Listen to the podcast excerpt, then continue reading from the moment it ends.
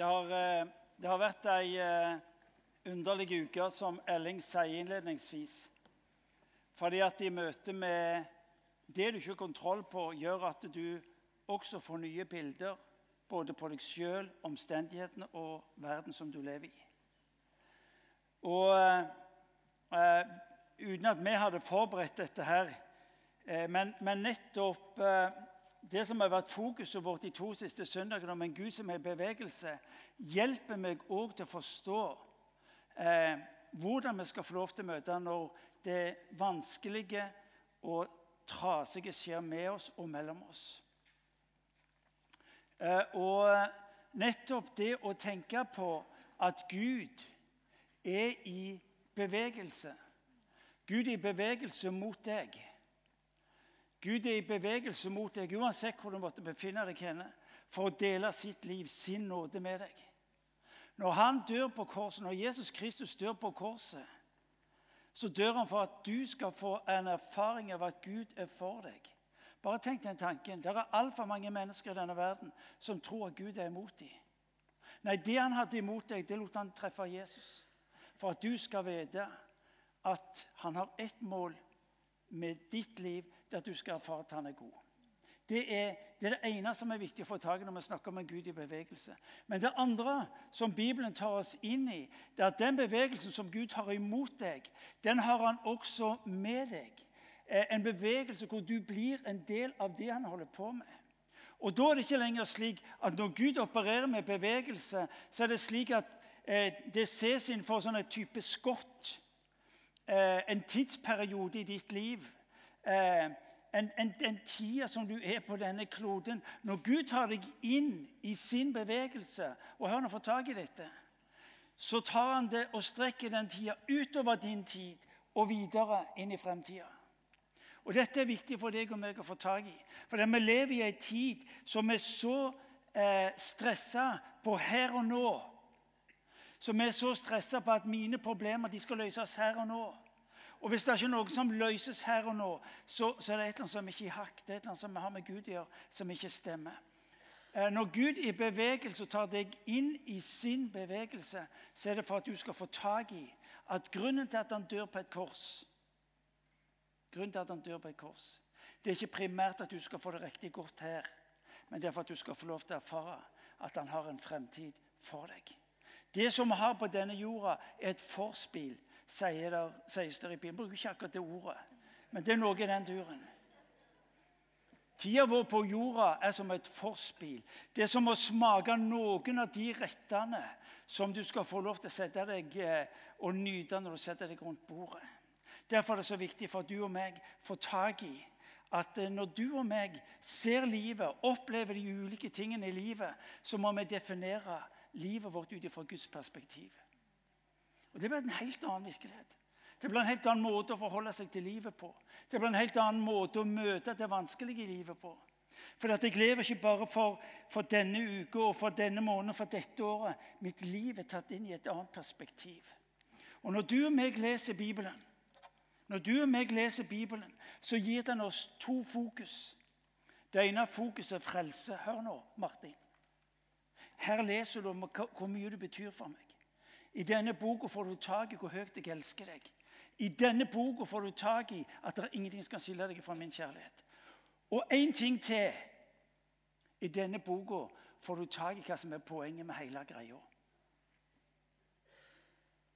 For din frelse er ikke primært å få tak i dette. Din frelse er ikke primært et oppgjør med fortida. Det er for at du skal kunne få lov til å vite at framtida er de. Vet du hva? De er så viktig å få tak i. Fordi vi, vi, kommer nesten ikke av det trasige sporet av at fokuset på synd Synd er noe graps, det er noe riktig dreit. Vi er enige om det. Men når Jesus dør på korset, så fikser han opp i det.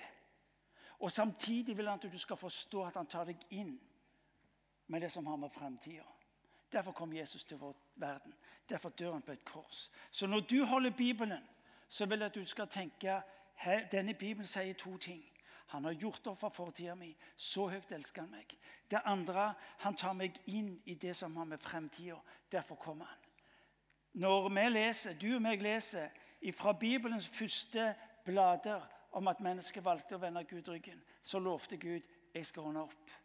Og det er det som skjer når han tar deg inn i det som eh, har med sitt rike å gjøre. Interessant er det at når Bibelen skal gi oss del i hvordan Gud handler, så er det et sted hvor relasjonen er på plass. Det leser om de første bladene i Bibelen.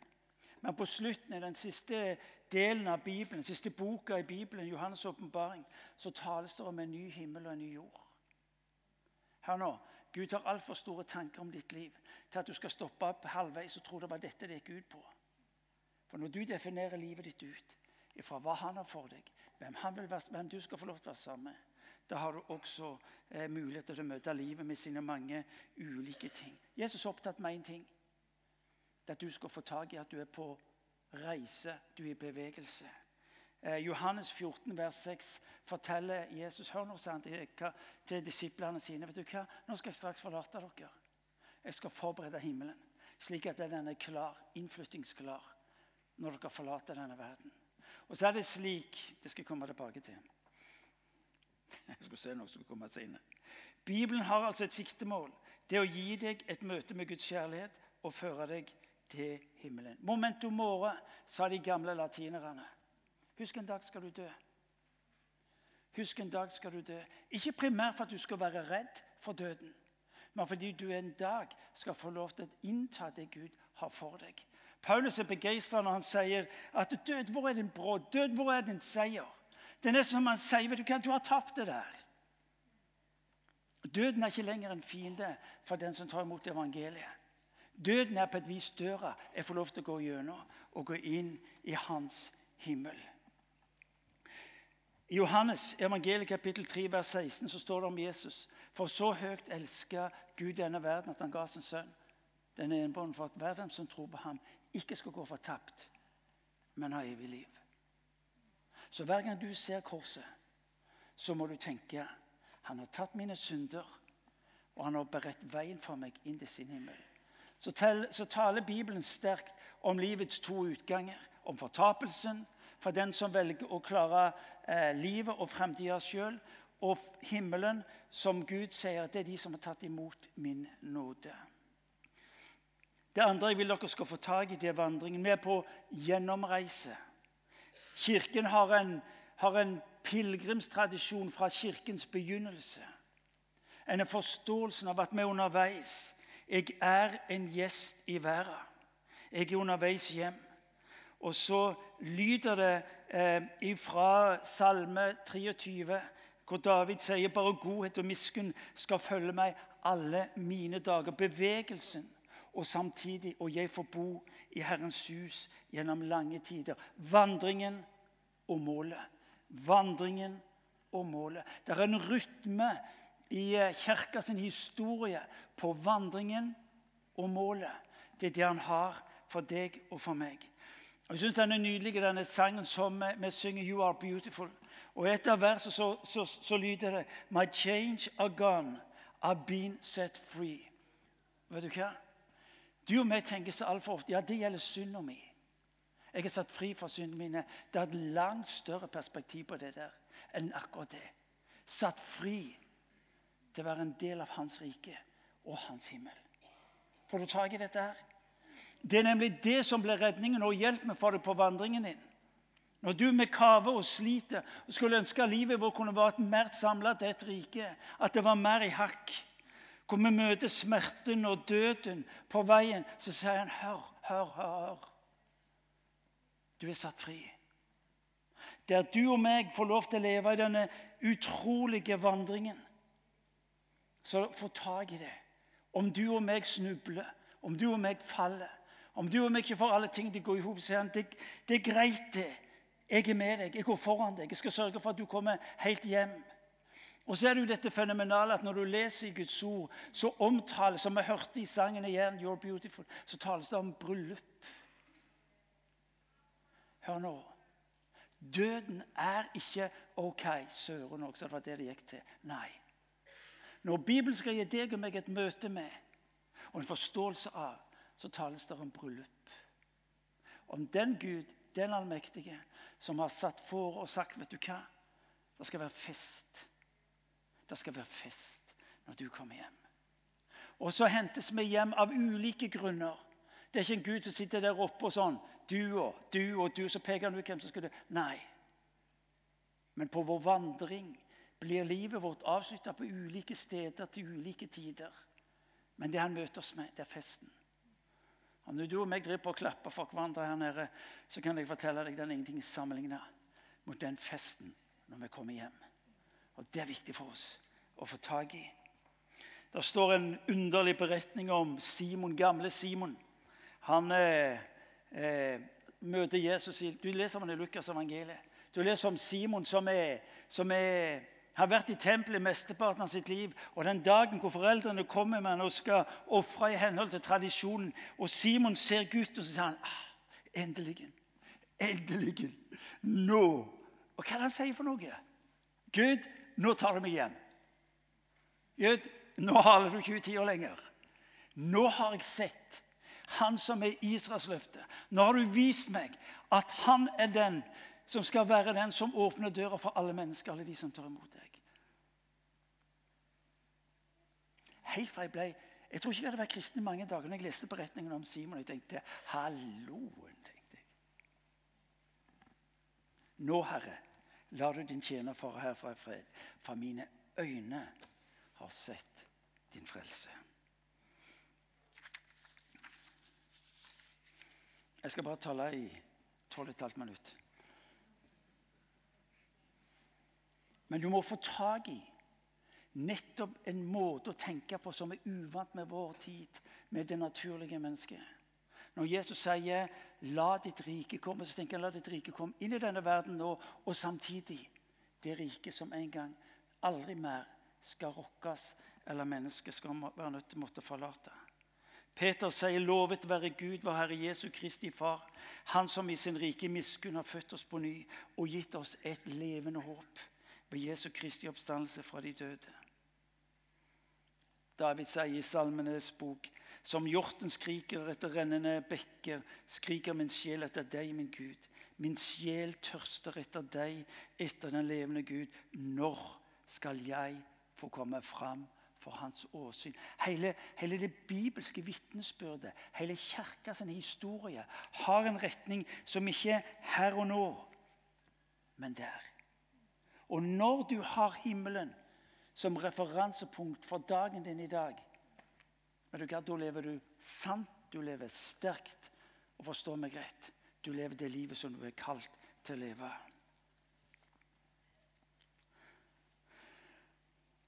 Fornekter vi livet ved å gjøre det? Nei. Da kan du tale sant om livet. Når vi vet at på denne veien som jeg får lov til å gå, den tida jeg får være en del av, den store historien som jeg er en del av Når jeg får lov til å se den, som, mitt liv som en del av denne historien Vet du hva? Da orker jeg òg å møte det som er virkeligheten på denne vandringen. Fordi at Jeg definerer ikke livet mitt ut ifra det som er situasjonen min, men jeg definerer den ut ifra det som er målet mitt. Av en Gud som er nær, og en Gud som, eh, som henter meg hjem. Skal du leve sterkt, må du også våge å omfavne døden. Fordi døden ser vi også bringer fram det beste i våre liv. Det interessante er døden er bare et, i Guds hånd et hjelpemiddel, et verktøy. Bibelen er egentlig ikke så opptatt med døden som den er opptatt med himmelen. Døden ble for Kristus bare den veien måtte gå. Men så fortsetter Bibelen og snakker om himmelen. Det var Kjetil, som, eh, Kjetil Fevang som sa det eh, så sterkt og så nydelig når han sa at Gud tok ikke Thomas. Gud tok imot Thomas. Gud tok imot Thomas. Vi leser i vitnesbyrdet om Paulus i Filippa-brevet. Så står det jeg glemmer det som er bak, sier han. Og så gjør jeg én ting. Jeg jager. Jeg jager mot det målet, mot den seieren som Kristus har vunnet meg på korset. Ved det, sier Paulus, ved det er jeg fri. Og ved det fullfører jeg det livet Gud har for meg. Vær så god, Irina.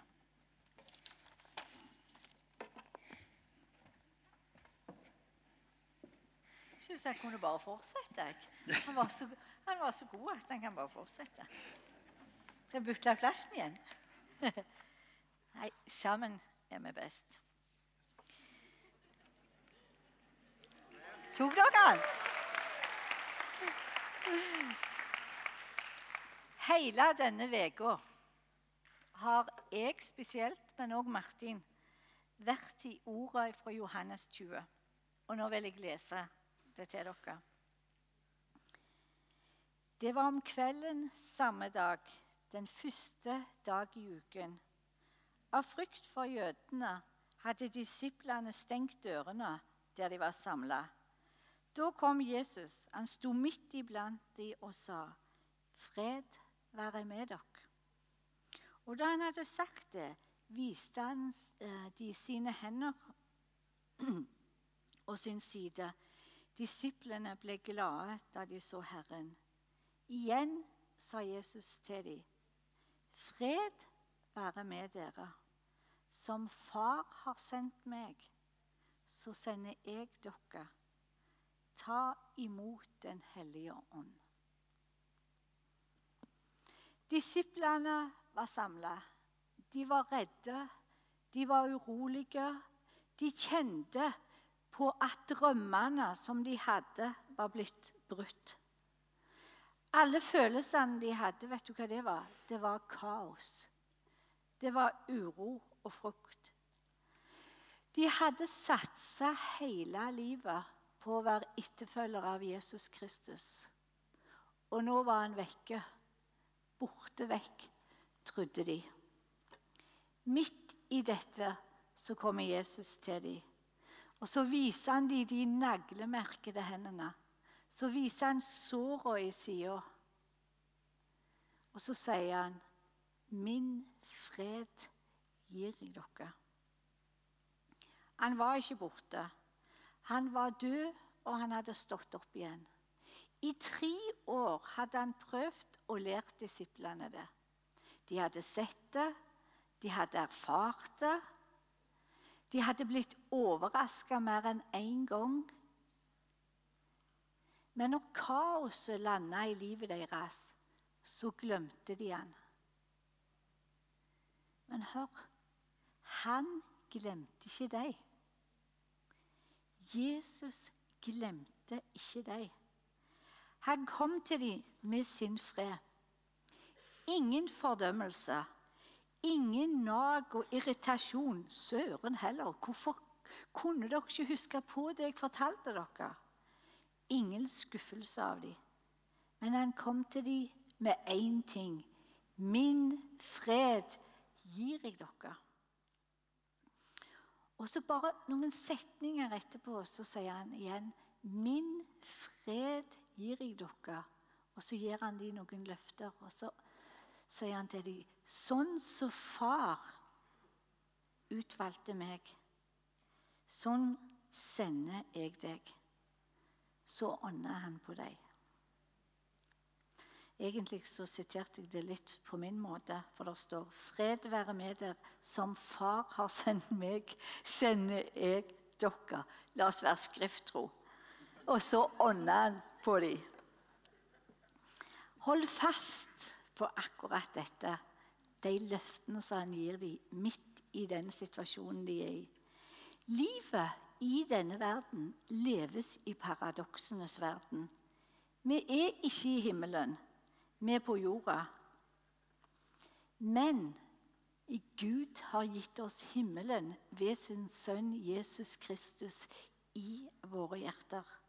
På grunn av det han gjorde på korset. Så lever vi med himmelen i våre hjerter. Men ikke bare det. Vi lever med en himmel over livet vårt, sånn som Martin snakket om. Igjen og igjen og igjen og igjen og igjen kommer Gud til oss og sier, 'Min fred gir i dere.' Ikke den fred som verden gir, men min fred gir i dere. Jeg har erfart det, om igjen og om igjen og om igjen i mitt liv. Og jeg vet det er mange her som har erfart det. Jeg har sett det og opplevd det sammen med dere. Men ta imot akkurat her du sitter nå, uansett Jesu fred. Frem til jeg Prøv å ha dette som bakteppe når vi snakker nå. Frem til jeg var 27 år, så sleit jeg med en enorm dødsangst. Dere som vet hva angst er, dere vet hva den der grusomme klumpen i magen eller det vonde klumpen i halsen gjør med dere når angsten vil ta dere. Ingen visste det utenom Martin. For det var på netten når det kom, og da satte jeg meg opp i senga og følte jeg fikk ikke puste. Helt til det gikk over igjen. Det var mitt liv og min hemmelighet. Men i denne tida så var det noen som hadde lært å lytte til Gud. Eh, de hadde ikke bare lært å be, men de hadde faktisk lært å lytte til Gud hva han tenkte om dem, så de kunne gi det videre. Akkurat sånn som vi gjør på gudstjenestene her. Når vi er inne i bønnerommet, så lytter vi til Gud. Gud, hva har du for de som kommer til gudstjeneste i dag? Da leser vi av og til opp kunnskapsord, som vi kaller det. Det er å lytte til Gud for andre mennesker. Det har vi gjort i menigheten i flere tiår nå. Og vet du hva? Det som jeg fikk erfare fra denne dama som ikke kjente meg, hun sa når hun ba for meg Jeg bryter den dødsangsten som ligger over livet ditt, og jeg gir deg Jesu ord fra Jeremias 29,11. Og det skal vi lese. Mange av dere vet hva det står, men dere skal få høre det, dere som ikke husker det akkurat. For jeg vet hvilke tanker jeg har med dere, sier Herren. Fredstanker og ikke ulykkestanker. Jeg vil gi dere fremtid og håp. Jeg vil gi dere fremtid og håp. Den dagen ble jeg satt fri fra dødsangsten. Momentant. Momentant fikk jeg oppleve helbredelse. For noen av Jesu etterfølgere vågte å be ut det de trodde Gud hadde gitt dem. Jeg har nå et sunt og normalt forhold til døden. Døden er ukjent, men jeg vet at han som sier han skal være med meg i dødsskyggens dal, han skal følge meg hjem til himmelen. Dø må jeg, men jeg skal til himmelen.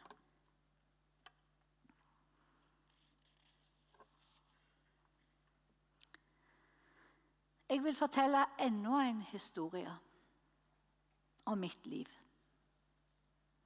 På grunn av at jeg vil vise deg på en måte det reisen, det paradoksenes verden.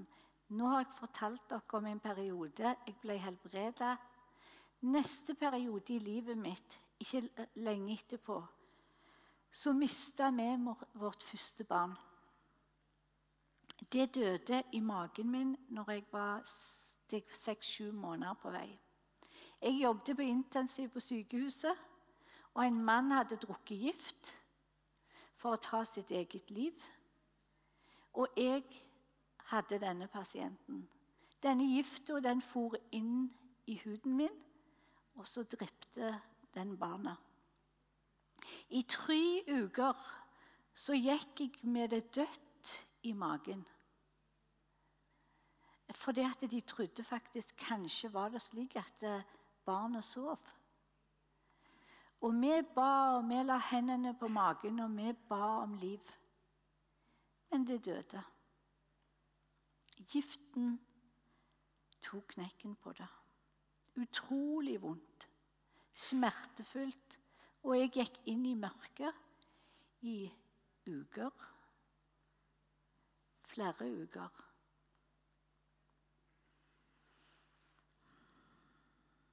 Livet handler i sannhet om motsetninger. Det står skrevet en plass, jeg vet ikke om det er sang eller om det er sitat av en som har skrevet dikt, eller noe, men det står 'gleder og sorger, de vandrer til sammen'. Men òg her var det noen av Jesu etterfølgere som vågte å bringe liv inn i mitt liv. De vågte å gå i møte med den tunge sorgen. De vågte å gå i møte med fortvilelsen og bringe Jesu fred inn i mitt liv.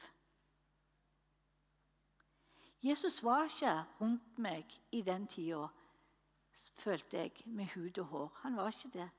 Men han var der i min familie, i min utvida kristne familie, som vågte å være der, og som vågte å be. Det er det Jesus har kalt oss til. Hans fred og hans trøst og hans legedom inn i mitt såra hjerte. Kjære, gode venner. Vi går gjennom dette livet med sorg og med smerte. Vi går gjennom livet med glede og hallelujarop. Ja, vi gjør det. Er dere med? Men vi er etterfølgere av Han, både på den gode dagen og den vanskelige dagen. Selv om vi føler for det eller ikke for det, så er han der. Vi er etterfølgere av Jesus langs veien. Vi er kalt fra evighet til evighet. Skjønner dere det? Jeg skjønner det ikke, men jeg syns det er noe trygt med det. Jeg, ser, jeg satt og tenkte evigheten. Altså For 2000 år siden så har Jesus støtt på korset. Generasjoner har kommet, generasjoner har gått, generasjoner har kommet, og nå står jeg her. Midt i 2013. Og det gir meg mot til å se Vet du hva? Sånn blir evigheten bare enda lenger. Bare enda lenger og enda bedre. For det er himmel der vi kommer. Kan dere ikke si ja? Der er det. Jeg får ikke helt til å si det sjøl, så det er gjerne derfor. Jeg har lyst til å si til dere Jesus vil ikke død. Han vil liv og liv i overflod. Han døde på korset for oss, og vi skal alle dø. Det vet vi. Men vet du hva jeg har i mitt sinn, i mitt hode? Jeg har, Når jeg tenker på døden, så ser jeg ei åpen dør. Se åpna for alltid. Og han har gjort en pakt med meg og deg som vil tro på han, at den døra stenges aldri. Vi kommer inn der uansett. ikke det fabelaktig? Ja, det er fabelaktig.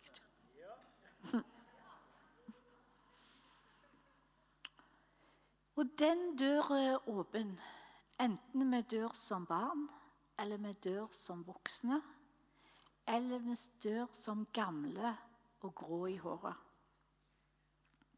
Jeg føler meg enda ung, bare så jeg får sagt det.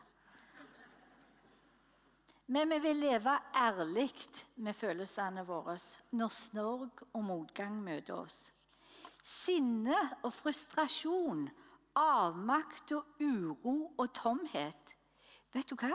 Det er sunne, normale følelser, og de er sanne. Vi har lov til å være så lenge som vi det trenger det for at hjertet vårt skal falle til ro når vi har opplevd noe vondt. Se i Guds ord. Se David i salmene.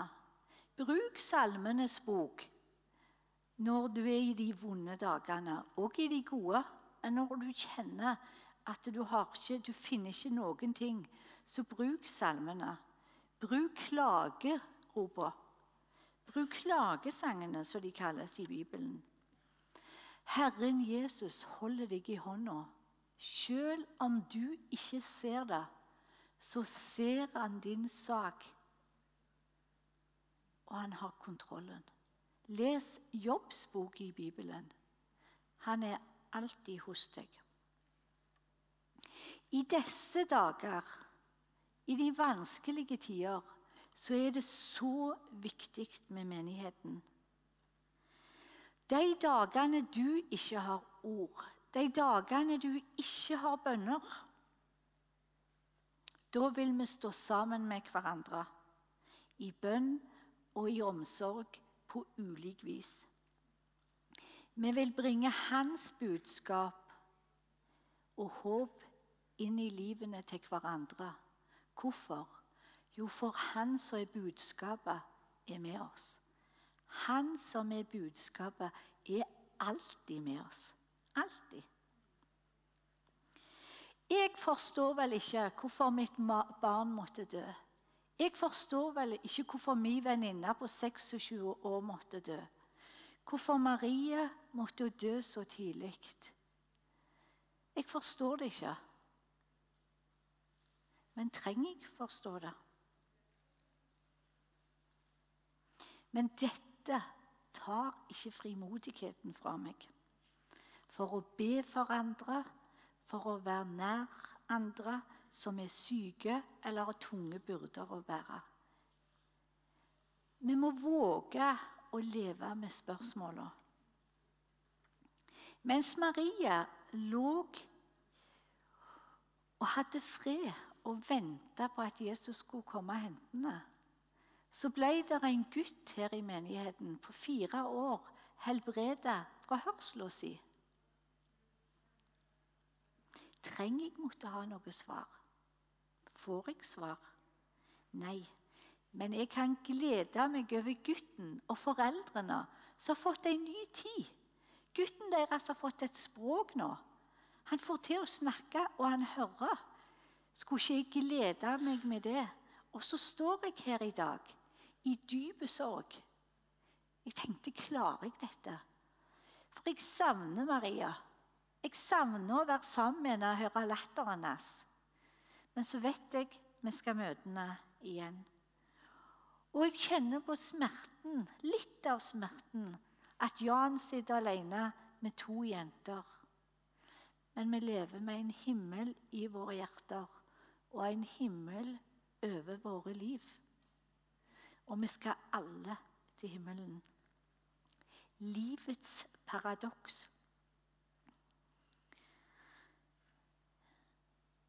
Vi skal ikke alltid være på jorda. La oss øve oss i å leve med himmelen i våre hjerter her nede. Jeg tror det blir så mye lettere å leve da, både i de gode og vonde dagene. Og når vi vandrer, så skal vi være ærlige og sanne. Når du sitter her og kjenner på sorg og smerte over egen sykdom, eller en av dine nærmeste sin sykdom, eller noen som har forlatt deg, har ødelagt livet ditt, stjålet faktisk viktige år av ditt liv, så vær sann og ærlig med det. Og la Han som har gitt deg evig liv, som har frelst deg, og som har gitt deg himmelen i sitt hjerte, få trøste og bære deg. Og la oss som er Jesu etterfølgere, få lov å bringe liv som Han har gitt oss, inn i ditt liv. Slik at hjertet ditt kan falle til ro. Han som er større enn alt og alt, alt, alt og alle, han er hos deg. Og når du har fått hvile for din sjel og ditt hjerte, så vil du igjen få erfare at han er hos deg og har alltid vært der. Vi er jeg fikk vite det i denne uka at vi er ca. 900 medlemmer i Imi kirke. 200 av dem er barn. Her i dette huset så vil det alltid være noen som sørger. Mens det er noen andre som er glade. Noen som har lyst til å rope høyt i sinne, for de kjenner på sinnet innvendig. Mens andre de vil juble av glede. Noen er urolige i følelsene sine, mens Andre har igjen en salig fred. Noen har lyst til å be for noen, mens andre har lyst til å bli bedt for. Og Noen har faktisk bare lyst til å sitte i ro her og ta inn lovsangen, for det er best for deg denne dagen. I vårt hus er det alltid rom for alt og alle. Det er det alltid i Guds hus. For vi har himmelen i våre hjerter, og vi har himmelen over våre liv. Vi er et folk som bærer hverandres byrder. For Jesus har sagt det, at ved sin ånd har han pustet på oss, så vi kan være med og bære hverandres byrder og bringe fred. For på den måten få oppfylle Kristi lov, står det i Bibelen. Gode venner, Kristus i oss håp om herlighet. Amen.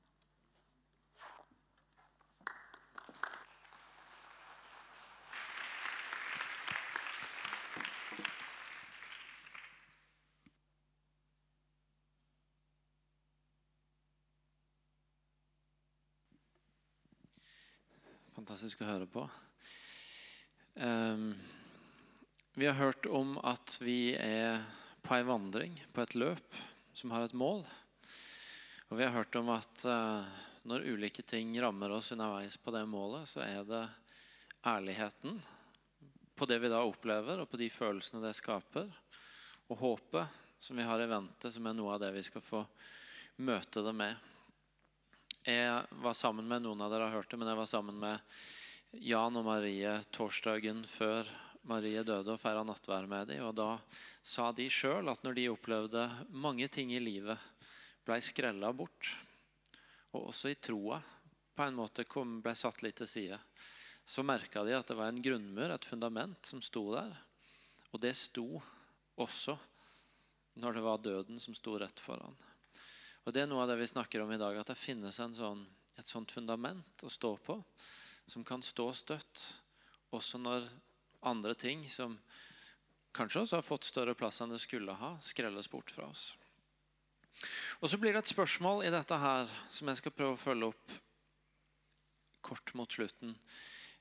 I hvilken grad det i dette her også er en plass for frimodigheten på å be om Guds inngripen i de situasjonene vi møter.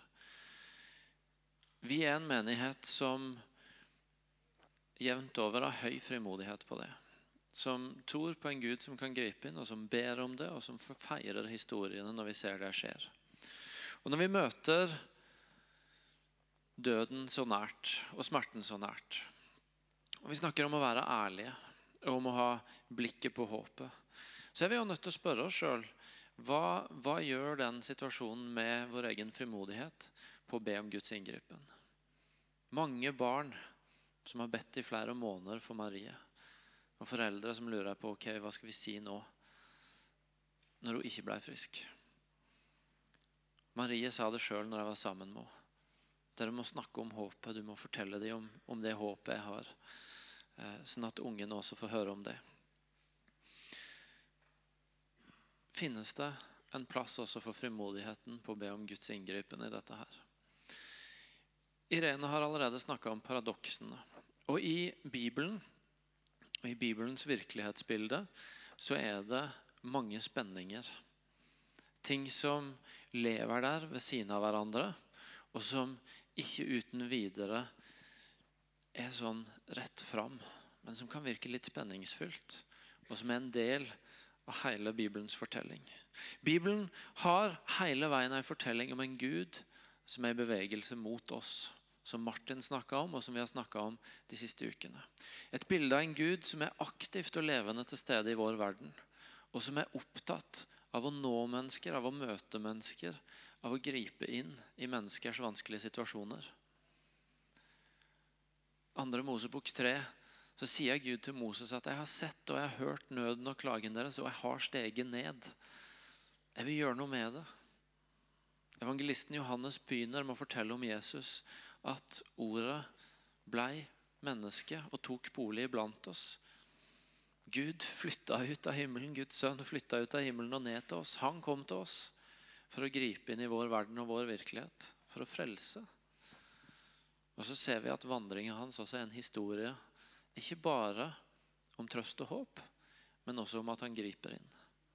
Det er en sånn tråd gjennom den bibelske fortellinga. Og Samtidig så er det en annen tråd i den bibelske fortellinga, og det er at mennesket møter vanskelige ting. At mennesket møter smerte. At det oppstår utfordringer. At enten en tror på Gud eller ei, så fortelles det om et liv som også har sykdom, nød, død. Erfaringen av det som gjør vondt i seg. Og det er ingenting i fortellinga som tyder på at en blir fritatt fra det for det om en begynner å tro på Gud. Men det er også en del av den virkeligheten Bibelen forteller om. I den bønneboka Bibelen sjøl har, Salmenes bok, så møter du et sånt helt spekter av bønner og bekjennelser til Gud. Det er den boka Jesus sjøl brukte når han ba. Det var Jesus sin bønnebok. De bønnene han ba. Og de, I den boka så møter du disse her sterke bekjennelsene til en Gud som frelser, som redder, som griper inn, som frelser ut av død og nød, som helbreder. Du møter òg ropet.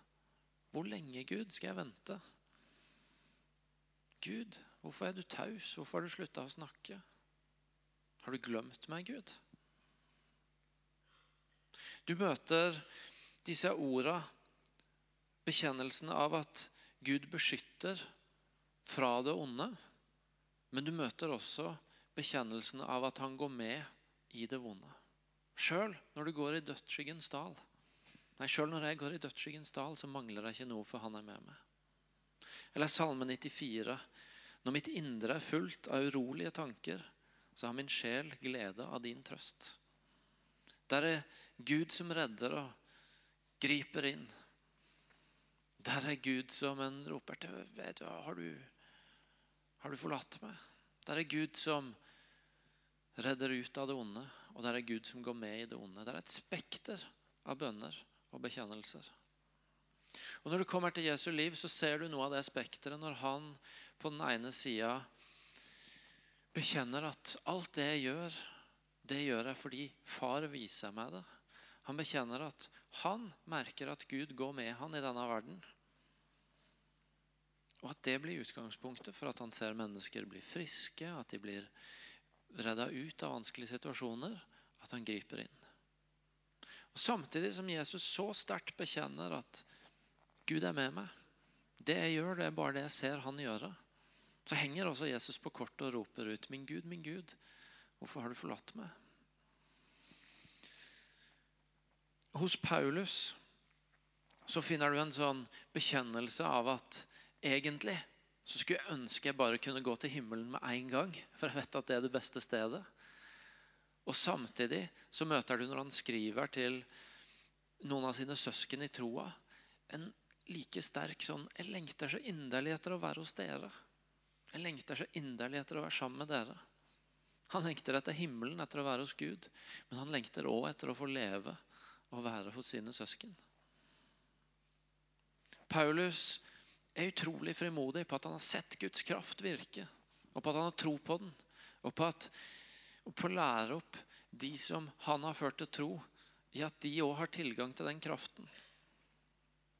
Og Samtidig så er han ærlig og sier at han har en torn i kjødet som han ikke har blitt kvitt. Som ikke har blitt tatt fra han, men som han må leve med. Han har dette her paradokset i at hvor han sier at Guds kraft fullendes i vår svakhet. At det er når vi er svake, at Guds kraft kommer aller sterkest.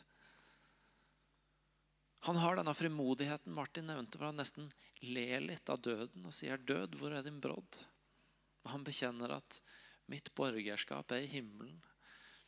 Det er der jeg virkelig hører til. Jeg kunne sagt flere ting, men jeg, men jeg tror dere, dere får det med. Det er spenninger. Det er ikke bare én vei. Og I teologien og i den teologiske strømmen som vi står i og har tradisjonen vår, røttene våre fra, så kalles det på fint for allerede nå og ennå ikke. En sånn grunnleggende tro på at Guds rike, det har kommet. Det har kommet. Jesus sier, bekjenner når han trår fram, Guds rike er kommet nær. Og en tro på at Guds rike er kommet nær, på at Guds rikes krefter er tilgjengelige og til stede i vår verden. Og samtidig en erkjennelse av at det har ikke kommet fullt og helt. Vi lever ikke i paradis. Og Jesus har ikke kommet tilbake ennå. Men der står i Åpenbaringen 21 at det skal komme en dag hvor han skal tørke bort hver tåre fra deres øyne. Og døden skal ikke være mer, og heller ikke sorg eller skrik eller smerte. Allerede nå er Guds rike kommet, men en dag skal det komme fullt og helt. Det var En som foreslo etter forrige gudstjeneste at vi skulle slutte å si 'allerede nå ennå ikke', og heller si 'allerede nå enda mer'. Eh, og Det kan hende at det hadde passa enda bedre. Det er i hvert fall et godt poeng. At det er noe med at ja, Guds rike er kommet, men en dag skal det komme fullt og helt. Og så er det vår utfordring å ikke velge en av delene.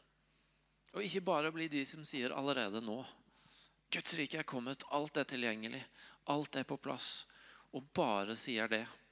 Sånn at når smerten, døden, rammer oss, så har vi egentlig ikke så mange andre alternativer enn å fornekte den. Fordi det er ikke noe plass for det i virkelighetsbildet vårt. Men å heller ikke være de som bare velger ennå ikke. Og som ikke vil forholde seg til at Guds rikes krefter er her og er tilgjengelige, og vi kan rope etter dem. Men egentlig bare tenker jeg på det som en dag skal komme. Og på den måten legger til side en hel dimensjon av livet som vi er meint å leve i, og som vi er meint å gjøre tilgjengelig for denne verden. Det er en som har sagt at uh, det er viktig å vite hvilke spenninger som er meninga at vi skal løse, og hvilke spenninger det er meint at vi skal leve i. For de spenningene det er meint at vi skal leve i, når vi lever i de, så modnes vi. Når vi våger å stå i spennene, hvor ikke alt er helt rett fram, og forholde oss til begge deler istedenfor å løse det, så modnes vi. Og Paulus er utrolig opptatt av at vi som kristne skal modnes, sånn at troa vår kan være levende og kraftfull uansett hva livet, vårt, livet møter oss med. Og dette er en sånn spenning det er meninga at vi skal leve i. For det, det, viser det bibelske virkelighetsbildet så klart. Det er meninga at vi skal klare å leve i begge deler. En kunne tenke at Nå har Irene snakka om ærlighet på livet og håpet. Og en kunne tenke at enten så kan en velge ærlighet og håp, eller så kan en velge frimodighet på Guds inngripen. Men det er ikke sånn det er. Det er sånn at ærligheten på livet og håpet om himmelen er utgangspunktet for frimodigheten på en Gud som kan gripe inn. Det er ikke enten-heller, men ærligheten og håpet blir utgangspunktet for frimodigheten. Og der må vi hjelpe hverandre til å leve. Den dobbeltheten må vi hjelpe hverandre til å holde fast på. Hvordan gjør vi det? Hvordan gjør vi det? Jo, jeg tror det handler om å velge å lene seg inn i begge dimensjonene. Det er en som har sagt at eh, når vi presses, når vi kommer under trøkk, så skvises vi litt. Og så, og så ser vi litt mer hva som finnes på innsida vår, hva som tyter ut når vi ikke har sjanse til å gjøre oss til eller å si de rette tinga, men det, det som er der, er det som kommer ut.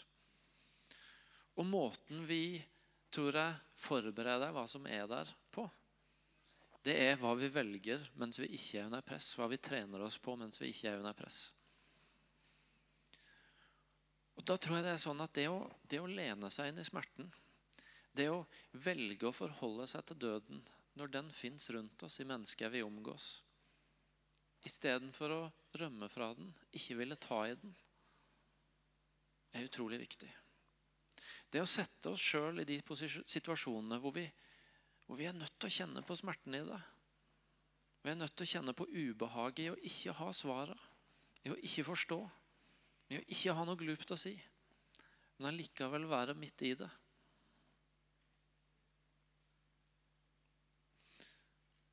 For meg så var det utrolig viktig på tirsdag når jeg fikk beskjeden om Marie og å kansellere det jeg egentlig skulle gjøre utafor dette huset, og bare komme og møte resten av staben på morgenen. Fordi jeg syns det kan være vanskelig av og til å koble meg på følelsesmessig når sånt skjer. Men det å få komme sammen med, med min familie her, med mitt team, og få hjelp til å grine og få hjelp til å koble på følelsene, var for meg utrolig viktig for å være nær i det som skjedde.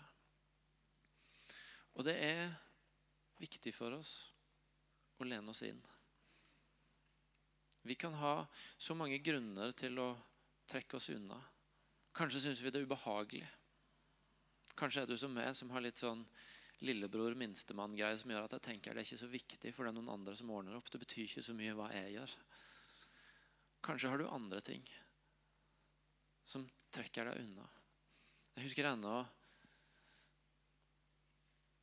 en av de etterlatte etter 22. juli som ble intervjua av Godhetsmagasinet vårt. Han sa det beste har vært de som bare gjorde noe. Det var ikke så viktig hva de gjorde, men de som ikke trakk seg unna.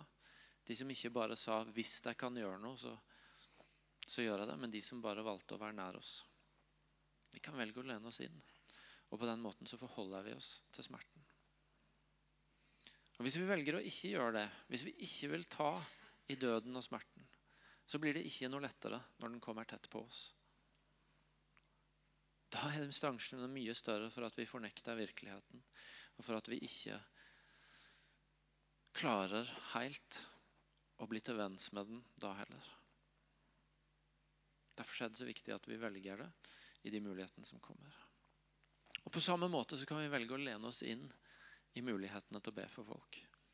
I muligheten til å rope om Guds inngripen når noen rundt oss trenger det. Når vi ser situasjoner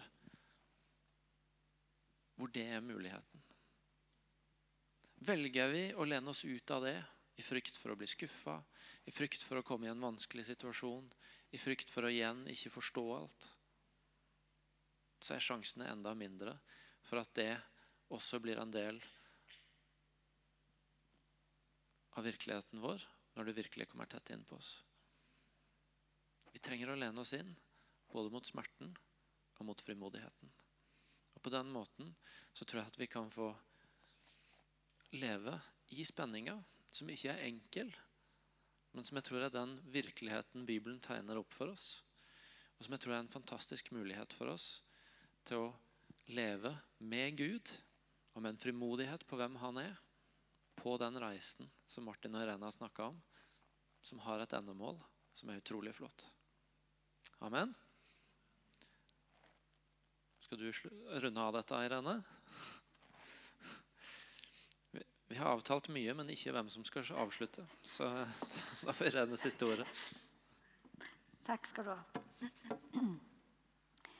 Det som vi skal få lov til nå, eh, det er vi skal reise oss, og så skal vi synge 'You Are Beautiful'. Og så skal du som har lyst til det, som kjenner at du har lyst til å gå bort og tenne et lite lys, og be ei bønn til Jesus for det som du er oppi, enten det har med deg å gjøre, det har med din familie å gjøre, eller jobbsituasjonen, hva som helst. Da tar du et lite lys og tenner fra et stort lys. Og så bare tar vi og så ber vi den bønnen som hjertet vårt trenger å be ut. Og Så står vi andre og synger, så vandrer vi litt sånn fram og tilbake. Skal vi gjøre det?